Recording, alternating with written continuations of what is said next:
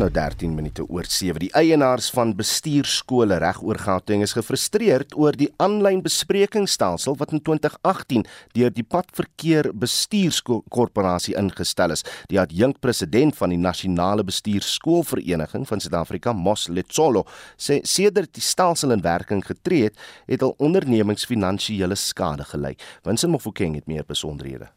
Toe die Padbestuur Verkeerskoöperasie hierdie stelsel ingestel het, was dit bedoel om langtoue en korrupsie van amptenare by die lisensiesentrums uit te skakel. Maar Mosletsolo, die adjunkpresident van die Nasionale Bestuurskoolvereniging van Suid-Afrika, sê die stelsel het soveel probleme dat niemand dienste kan lewer nie. Ever since the implementation right from the onset, we've been having challenges with the system where, you know, it's got a lot of bugs, where the system buffers, where sometimes the system just can't take it to another page to finalize the transaction. So it's just a plethora of challenges that we've been experiencing as an industry.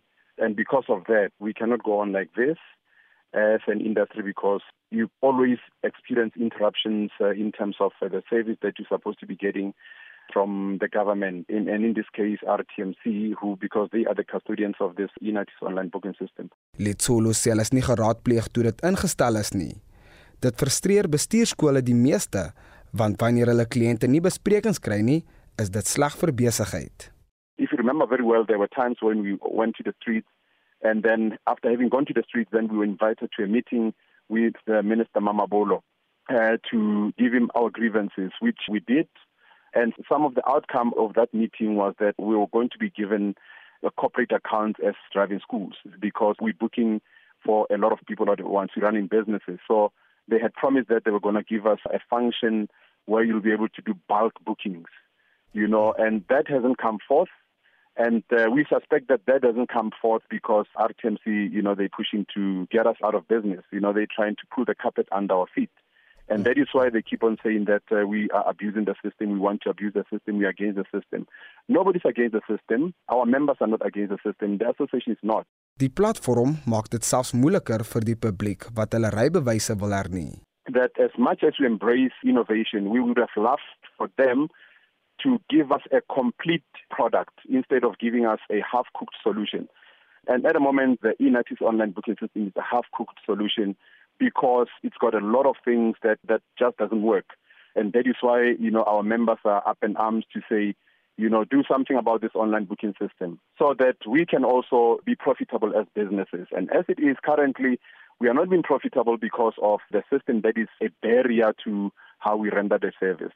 Letsolo sê daar was 'n groot agterstand om bestuurslisensies te hernie en wat die agterstand nog gaan vergroot is die stelsel wat nog reggemaak moet word. Hy meen ook dat talle Suid-Afrikaners nie rekenaar geletterd is nie en soms nie weet hoe om die aanlyn stelsel te gebruik nie.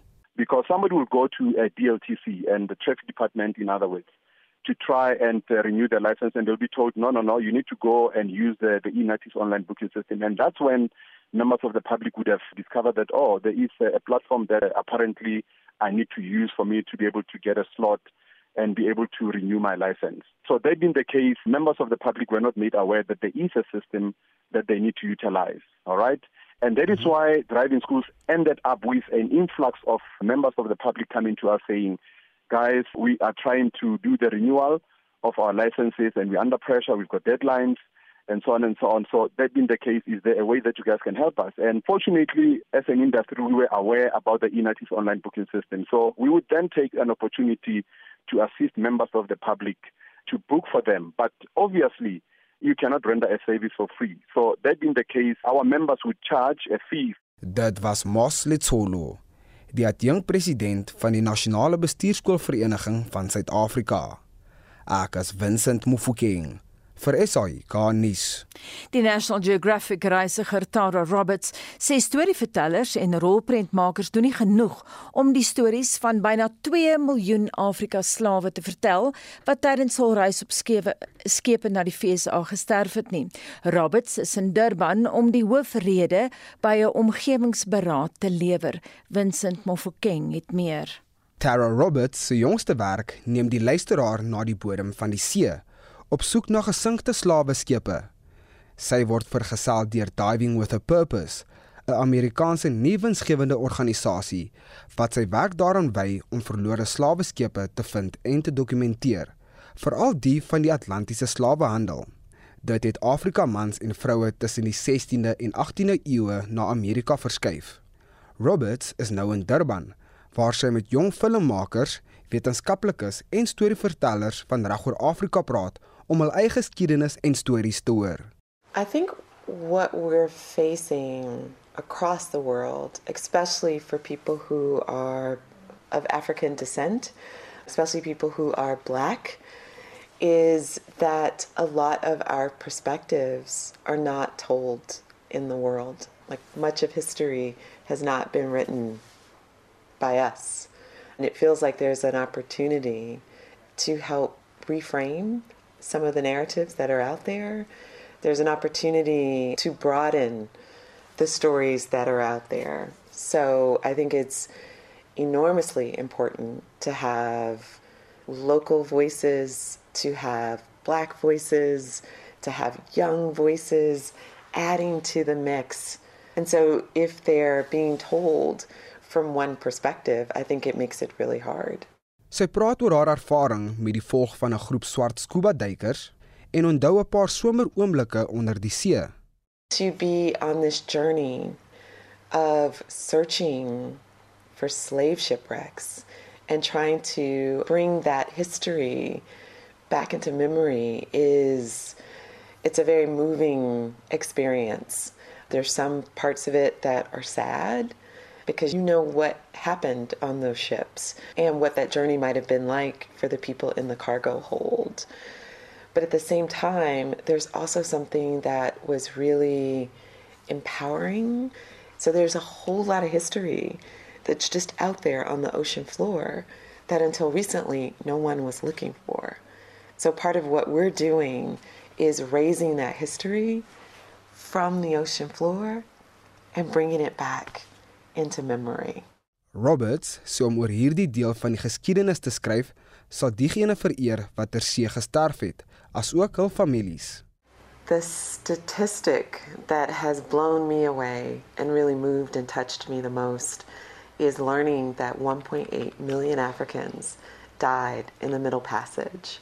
These are people who were farmers, who were scientists, who were storytellers, who were mothers, daughters, fathers, husbands, wives. But they were people whose names we'll never know, people who haven't been grieved, who haven't been mourned. There are no memorials to these people.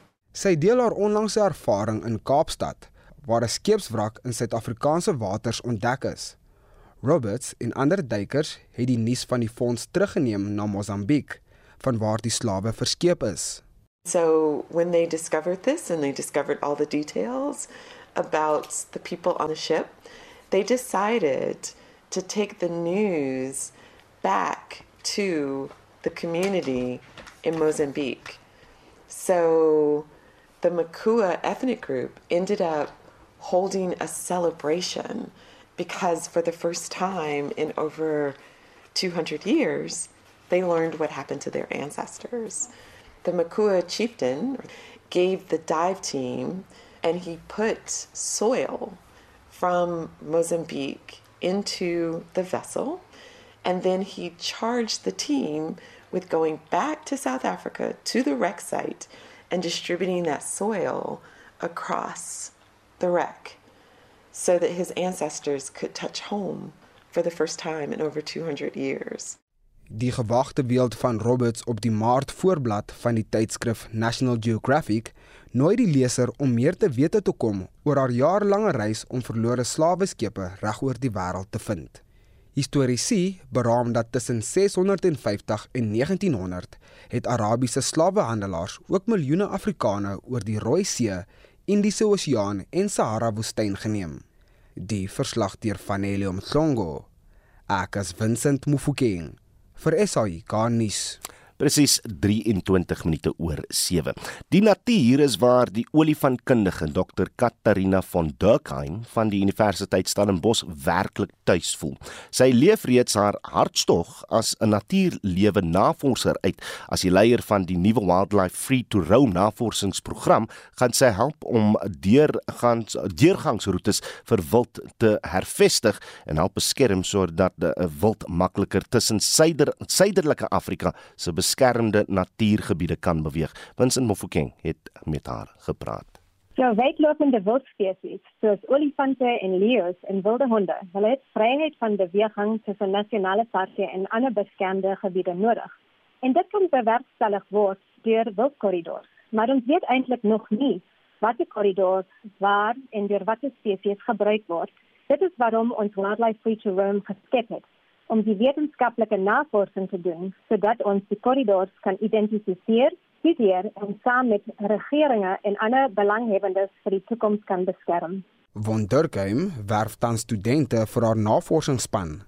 Sy is besig om die nodige logistiek wat daarmee gepaard gaan te doen om in van Suidelike Afrika se meer afgeleë gebiede te kan werk. We have uh, postgraduate students at various levels. So on the one hand, we look at the structure and the function of the landscape at large and the corridors themselves, which is mostly through, on the one hand, using remote sensing and GIS data to look at how the landscape is structured, how protected areas are connected, the land use between, you know, the, the rural settlements where those are lying in relation to the protected areas, and looking at other impacts like fire and water availability. And then we overlay that sort of data with the animal distributions in the landscape. So looking at which wildlife occurs where. And then we follow that up with students actually going into the field once we have an idea of where these corridors are that are open and available for wildlife. And we send the students in to actually walk the corridors and work with local communities to find out how big these corridors are and which species use these corridors at certain times of year. Op grond van vorige navorsing wat von Durkheim gedoen het, reken sy dat olifante die ideale ambassadeurs of sambreel spesies is vir die bevordering van ekologiese netwerke en vir die idee agter die handhawing van korridors. Hulle roetes word deur 'n menigte ander wildspesies gebruik. Elephants are definitely iconic species. They are well known and much loved and they can easily attract public support for conservation initiatives. And they're also a keystone species. You know, like in the dry season, they open up water holes and other species use that water to drink. They play a very important role in seed dispersal. And they also function as an umbrella species, which means that where elephants are, we can usually find other animals as well. And in some of the work that I did previously on elephant pathways and corridors, we found that the elephant pathways are used by other species like predators and antelopes. So securing those corridors is not just for elephants, but for many other animals at large, including insects and you know the seeds that are dispersed by the elephants as they move between protected areas. Sy dink ook dat groter vryheid van beweging iets is wat die 12000 olifante in die Konarezo Nasionale Park in Zimbabwe byvoorbeeld dringend benodig. We have some of the areas we're looking at working in is, for example, north of the Kruger National Park and how that links to other reserves in Mozambique, for example, Limpopo National Park, Bahina and Zanav, and then connecting into Gonorezu in Zimbabwe, which has 12,000 elephants. We're also looking at working south of the Kipui National Park in Zambia. And Rudy Fanada, who's an elephant expert in South Africa, also said that you know, the elephant numbers, for example, in Gonorezu are not necessarily a numbers problem, but it's a spatial problem. It's how do we create opportunities for these elephants to move out and move between these protected areas?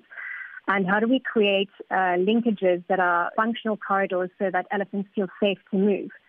And the bulls, generally, from previous research that I've conducted, they roam quite widely in these TFCA landscapes. They'll move at night they'll move through settlement areas and they can move between, for example, Angola, Namibia, Botswana, and Zambia. But the females are more risk averse because they have their calves with them, so they tend to stick to protected areas. Die oerroetes wat olifante gebruik, word ook deur wildsoorte soos leeu's en wilde honde benut. Von Durkheim sê dit moet bestuur word en waar moontlik formeel beskerm word om die ruimtelike beplanning binne 'n gebied te verbeter en waar moontlik konflik tussen mense en diere verminder. For wide ranging animals, you know, these corridors facilitate the genetic flow of wildlife between protected areas. they, in terms of climate change, for example, they also allow opportunities to respond to a drying climate by having access to resources elsewhere. So it encourages the distribution of wildlife across the landscape.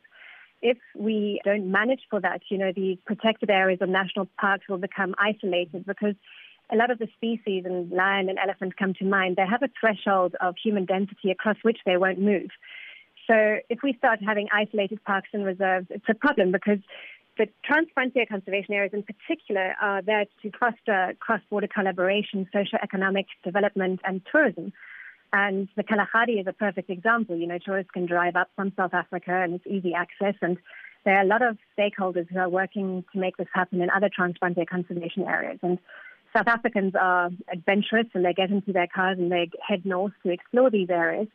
And it would be such a loss if one couldn't, you know, traverse these countries and these wild areas and see the wildlife around. So that's what we're trying to support is the planning of these corridors and create this dispersal and this movement of wildlife through not just the national parks but the wider areas and thereby stimulate tourism in areas outside of protected parks.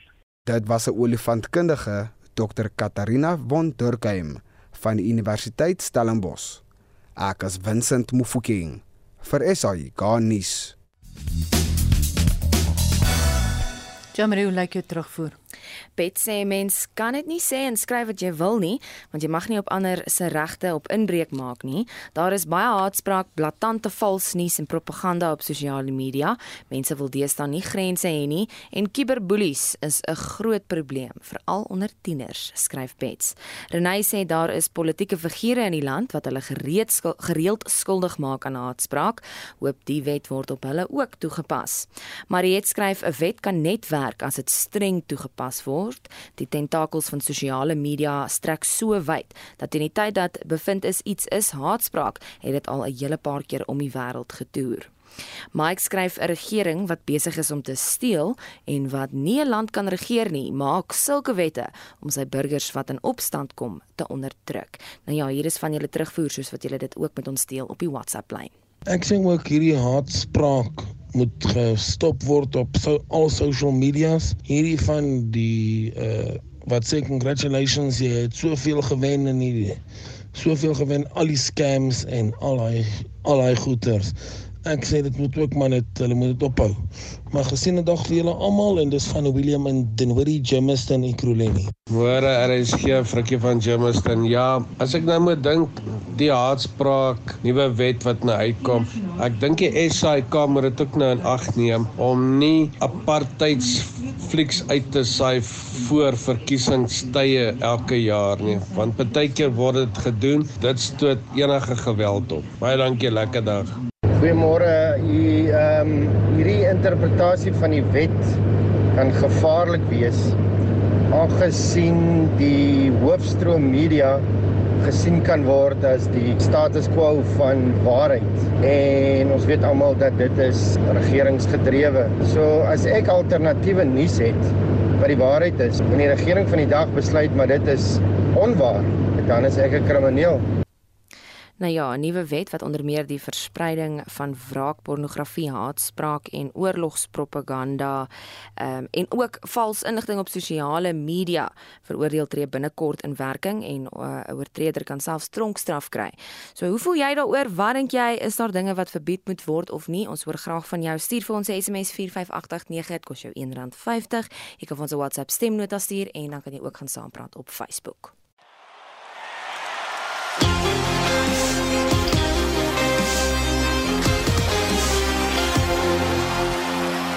Toets cricket vereers op die agtergrond, maar ons praat nou ver oggend met Pieter van der Berg oor ander sportgebeure. Goeiemôre. Môre sê Anita. Verlede naweek het twee Suid-Afrikaanse rugby spanne in die Verenigde Kampioenskap oorwinnings behaal en twee het verloor. Wat lê nou die naweek voor, Pieter? Ja, nie dan verlede week was dit die Bulle en die Sharks of die Bulls en die Sharks wat oorwinnings behaal het. Nou nie een van die Suid-Afrikaanse spanne is hierdie naweek in aksie in die Verenigde Rugby Kampioenskap nie.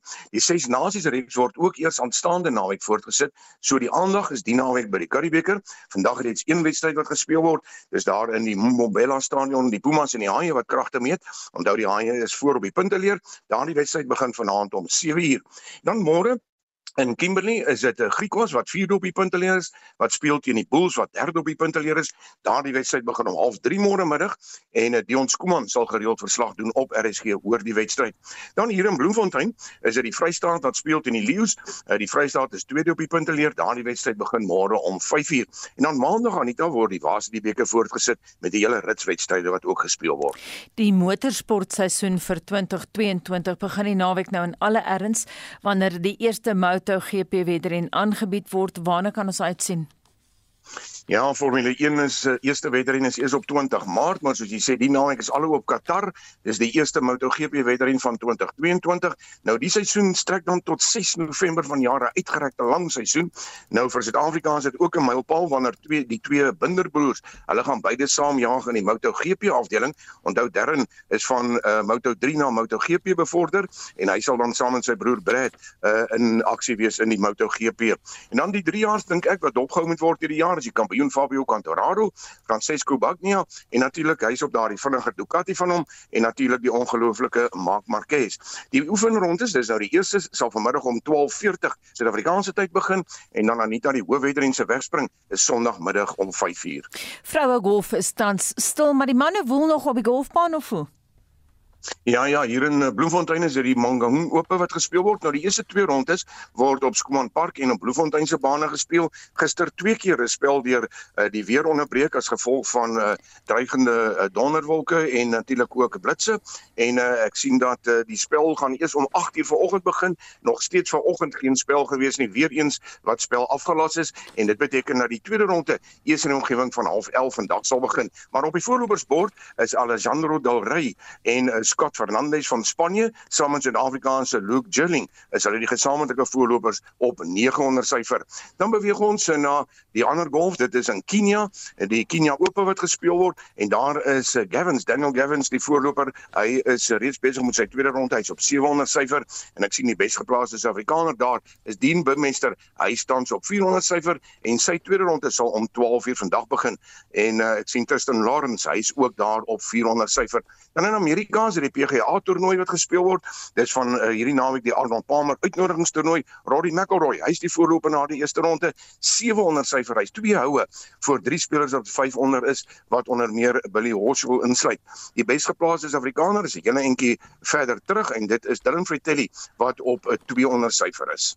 Ek het nou vroeër na toetskriket verwys waar die Proteas manspan 'n blaaskans neem, maar vroue wêreldbeker, die vroue wêreldbeker is nou op die voorgrond. Ja, absoluut. Die eerste wedstryd is op die oomblik aan die gang. Dit is natuurlik in Nieu-Seeland waar die Wêreldbeker gespeel word. Die eerste wedstryd vanoggend is in uh, Nieu-Seeland en die Wes-Indiese eilande. Die Wes-Indiese eilande se vroue het 259 vir 9 aangeteken in hulle 50 bilbeerte en op die oomblik Nieu-Seeland na 11 bilbeerte op 46 vir 1. Dan is daar ook eh, 'n uh, wedstryd wat gister afgehandel was, die eerste T20 wedstryd tussen Afghanistan en Bangladesh. Dis nou manskriket. Bangladesh het daar geseëvier met 61 lopies en op die oomblik twee toetse aan die gang. Die eerste toets in Mohali tussen Indië en Sri Lanka word gespeel en dit is Indië wat eerste golf, hulle is op 88 vir 2 na 19.4 bilbeerte. En dan is daar ook die wedstryd wat gespeel word in Rawalpindi, Pakistan. Hulle staan op 12 sonder verlies. Daardie wedstryd het so 'n paar minute gelede begin 12 sonder verlies na 7 bilbeerte en dis Pakistan teen Australië. Dan kan ons dalk maar net noem Anita dat Suid-Afrika ons môreoggend ons vroue span by die Wêreldbeker in aksie. Dis daar in Nieu-Seeland soos ons sê, hulle gaan teen Bangladesh speel en dit is om 12 uur vannag Suid-Afrikaanse tyd. Dan môreoggend om 3 uur is dit Australiese vroue wat speel teen Engelandse vroue en Sondag is daar ook 'n wedstryd Bangladesh teen Afghanistan. Vertel ons meer oor die ATP tennisreeks.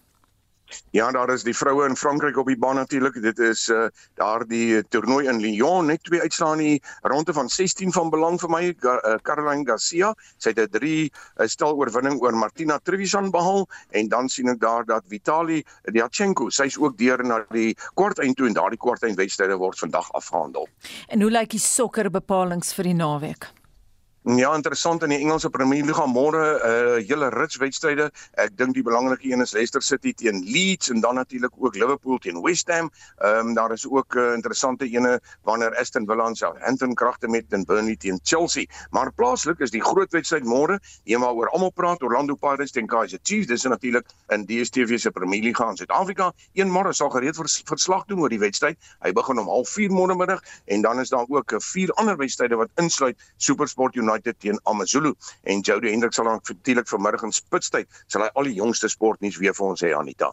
Baie dankie dit was ons sportmedewerker Pieter van der Berg. 20 minute voor 8 en ons keer nou terug na die situasie tussen Rusland en Oekraïne want dis die hoofstorie in ons wêreldnuus vanoggend waar onderhandelinge tussen die twee lande plaasgevind het. Daar is ooreengekom om humanitêre toegangsroetes vir burgerlikes te skep, maar Europa se grootste kernkragsentrale Zaporizhzhia het aan die brand geslaan weens voortdurende aanvalle deur Rusland. Is dit môre?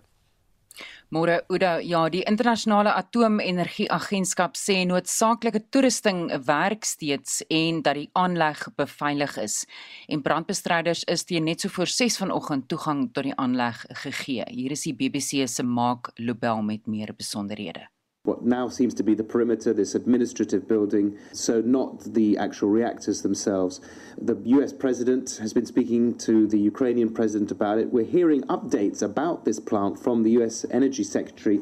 They're saying that, uh, that it has robust containment structures and the reactors are being safely shut down. So, from that point of view, less concerning. Die Amerikaanse minister van energie, Jennifer Granholm, het getweet dat sy met Oekraïne se minister van energie oor die brand gepraat het en besluit het om die Amerikaanse kernkragvoorvalreaksiespan te aktiveer. Oekraïne se president Volodymyr Zelensky het in 'n video wat hy getweet het, die Russiese uh, of liewer die Russe beskuldig dat hulle die kernaanleg met opset geteken het. Uh, ja, Ja, en hy het gewaarsku die gevolge van die aanval op die kernaanleg sal veel erger as Chernobyl wees. Zelensky het gesê hy was in verbinding met leiers van die FSA, Brittanje, die Europese Unie, Duitsland en Pole as ook die internasionale atoomenergie agentskap. Maar hy het 'n beroep gedoen op elke burger om met hulle eie politici te praat. Hy het gesê Russiese propaganda het gewaarsku hulle sal die wêreld in kernas bedek en nou is dit nie net meer 'n waarskuwing nie, maar 'n werklikheid. Joseph Sironcioni is van die Quincy Instituut vir verantwoordelike staatskap en hy sê iets soos hierdie het nog nooit gebeur nie. I cannot overstate how serious the situation is. You're worried about two things here. This is a very large facility. I believe it has six nuclear reactors. The three reactors that are operating, what you're worried about is that the assault would uh, shut down the command and control, would breach the containment area around the reactor, would cut off the electricity, would cut off the plumbing. If any of those things would happen, you would lose the ability to control the reaction in the reactor. You would get a, an uncontrolled nuclear reaction that would result in a, in a meltdown and an explosion like you saw in Chernobyl. Nou, Brittanje se eerste minister Boris Johnson het gesê Putin se roekelose besluit bedreig die veiligheid van alle Europeërs en hy sal 'n noodvergadering met die VN se Veiligheidsraad belê. Intussen duur aanval in sekere stede in Oekraïne nog steeds voort. Ja, die hawe stad Mariupol word steeds aanhoudend aangeval en daar's ook steeds voortdurende aanvalle in Kiev waar 'n treinstasie ook oornag aangeval is.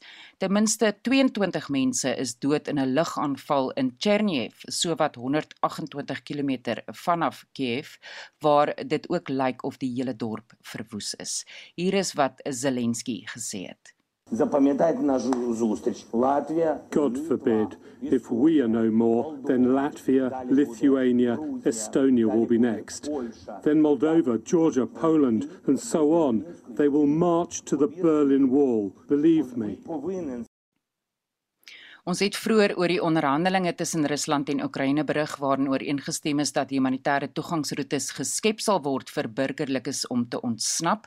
Nou die FSA en Europese Unie het ooreengekom om tydelike burgerskap aan vlugtelinge te verleen.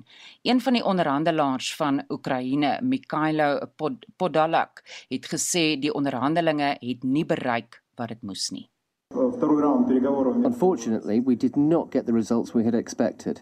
The only thing I can say is that we discussed the humanitarian aspects in sufficient detail because many of the cities are now surrounded. There is a dramatic situation with food, medicines, with the possibility of evacuation. Intussen het die FSA en die Verenigde Koninkryk nog sanksies teen van Rusland se elite ingestel. En dit was Estie met 'n oorsig oor die situasie tussen Oekraïne en Rusland.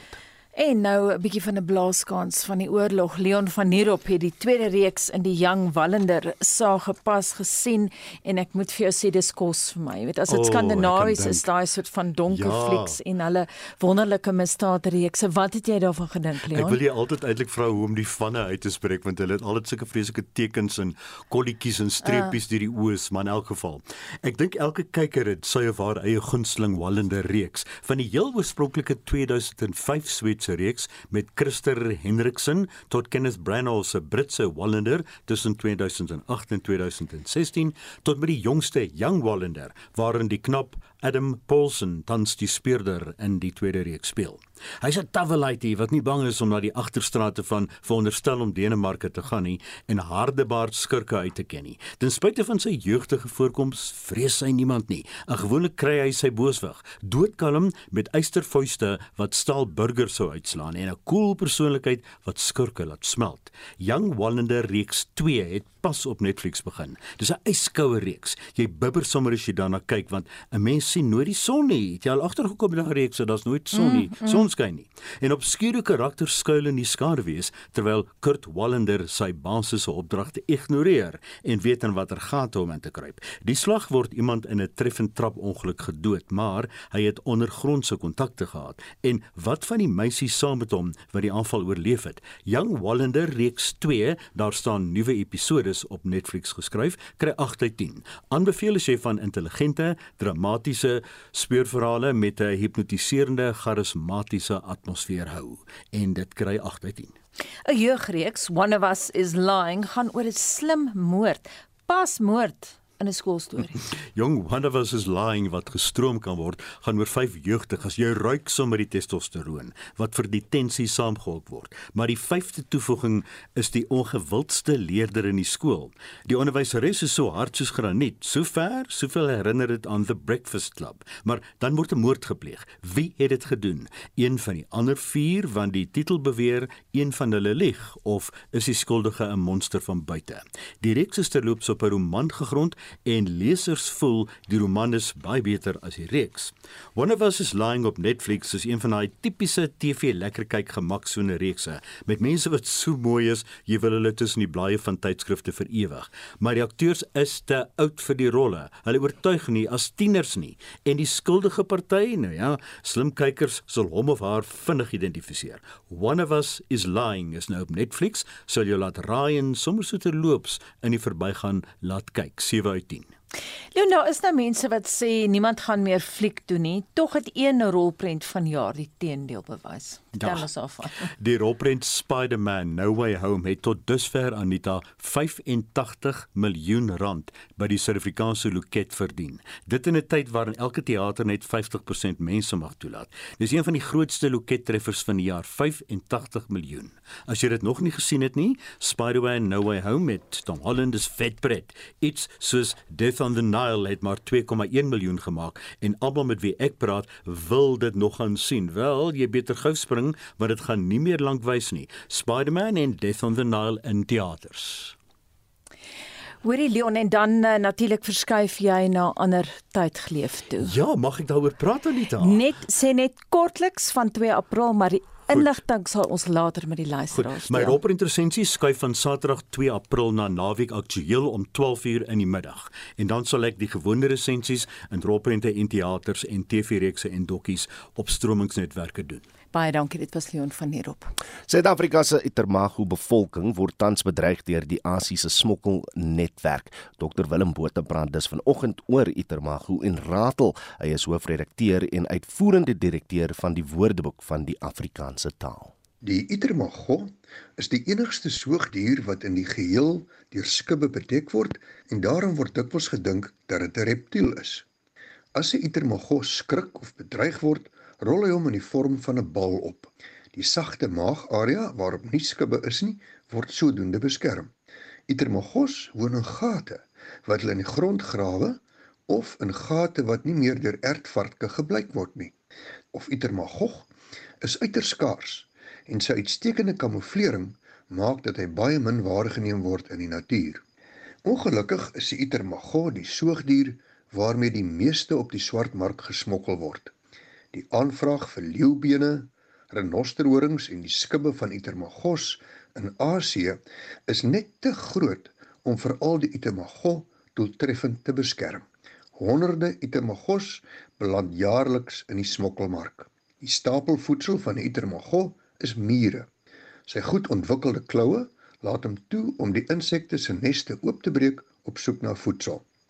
Die wyfie is telkens met slegs een kleintjie dragtig. Itermogo kom waarskynlik uit Tswana, mogogo wat muur beteken of mogogwe, ratel. Die Itermogo se eetgewoontes herinner aan die van 'n ertvark of muurvreter en sy verbreeking van 'n muurnes aan die manier waarop 'n ratel 'n bynes benader. Die ratel is 'n geharde, skugter, frisgeboude vleisetende dier met kort bene en hy beskik oor 'n sterk rykende olierige vloeistof wat deur die anale kliere afgeskei kan word. Maar die kenmerkendste eienskap van die diertjie is egter sy liefde vir heuning, soos ook blyk uit die Engelse benaming honey badger. Die Nederlandse woord vir 'n heuningkoek is raat. In die streektaal is dit ratel wat reeds in 1599 opgeteken is. Die ratel is oorspronklik ratelmuis genoem, 'n beskrywende benaming vir die kleinerige nagdiertjie wat besonder lief is vir heuning. Die termago is ongelukkig totaal weerloos teen die stroopers en by wyse van spreuke nie so taai soos 'n ratel nie en Dr Willem Botha is die hoofredakteur en uitvoerende direkteur van die Woordeboek van die Afrikaanse taal. As jy 'n woord wil borg of koop, besoek www.wat.co.za of Google borg 'n woord. Suid-Afrikaanse universiteite het begin om sogenaamde sagte mandate te implementeer wat van studente vereis om bewys van inenting te verskaf om toegang tot die kampus te verkry. Vanaf Dinsdag kan studente en personeel wat nie ingeënt is nie slegs toegang tot aanlyn onderrig kry. Intussen het studenteleiers die beleid as elitisties veroordeel. Die woordvoerder van die Universiteit van die Wes-Kaap, Gasant Abarder, sê hulle het nie die tussentydse COVID-19 inentingsbeleid bekend gemaak om of liewer hulle het die tussentydse COVID-19 inentingsbeleid bekend gemaak om studente 'n demokratiese keuse te gee. Vincent Mofokeng het meer. Abader sê ingevolge die tussentydse beleid sal 'n algemene sagte mandaat geld waar volgens alle personeel en studente ingeënt sal moet word om die kampus te betree of universiteitsgeleenthede by te woon. Studente wat nie ingeënt is nie, sal toegelaat word om vir hul betrokke graad of module te registreer. Strict campus access and residence protocols have been put into place and that came into effect on the 3rd of January this year.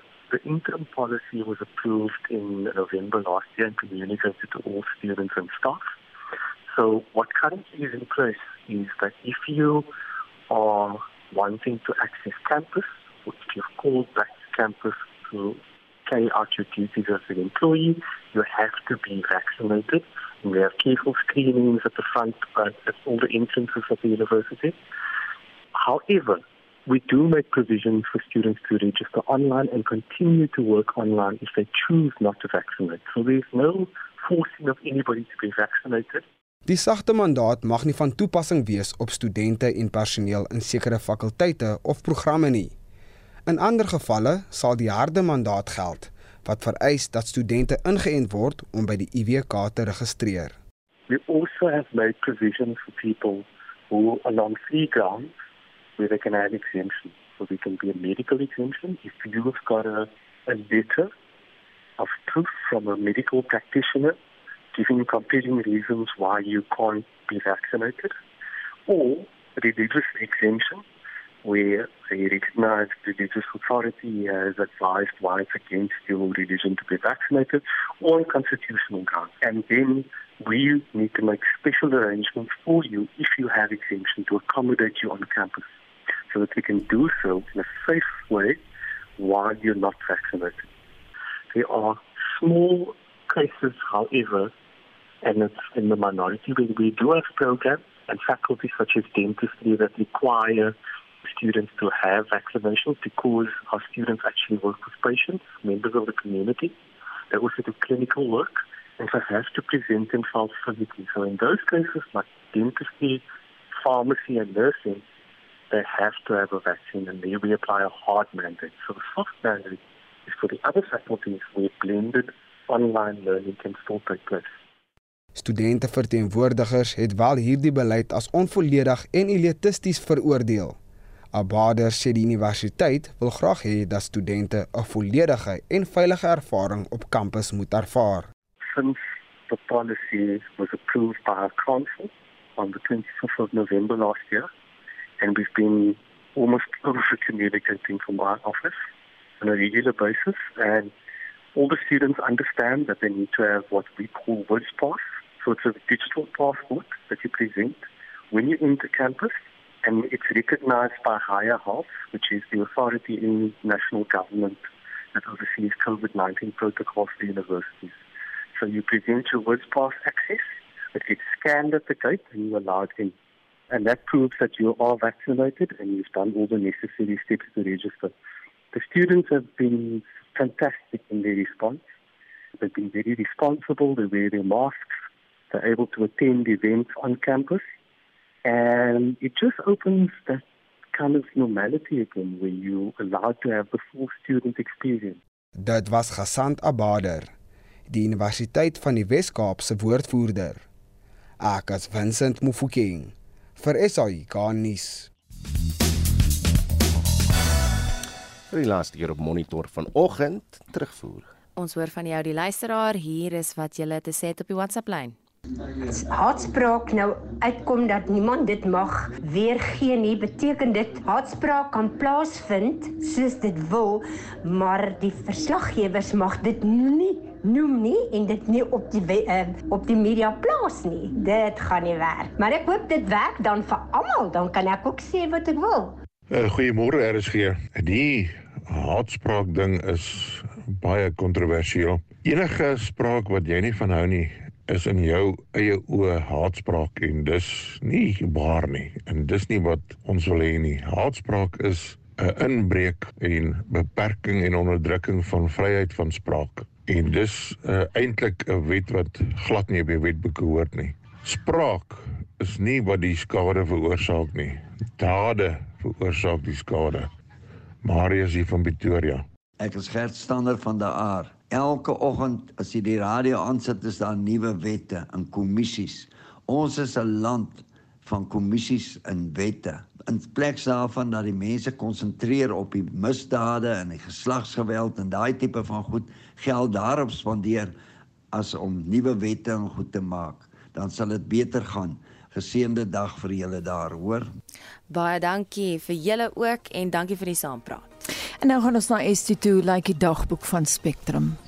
Die Menseregte Kommissie se verhore wat die oorsake van die onrus wat in Julie verlede jaar uitgebreek het ondersoek, duur vandag voort. Ons hou jou op hoogte van die situasie in Oekraïne en 'n nie-regeringsorganisasie bring hulp aan boere in die droogte getuisterde Karoo. Dit en meer in Spectrum tussen 12 en 1.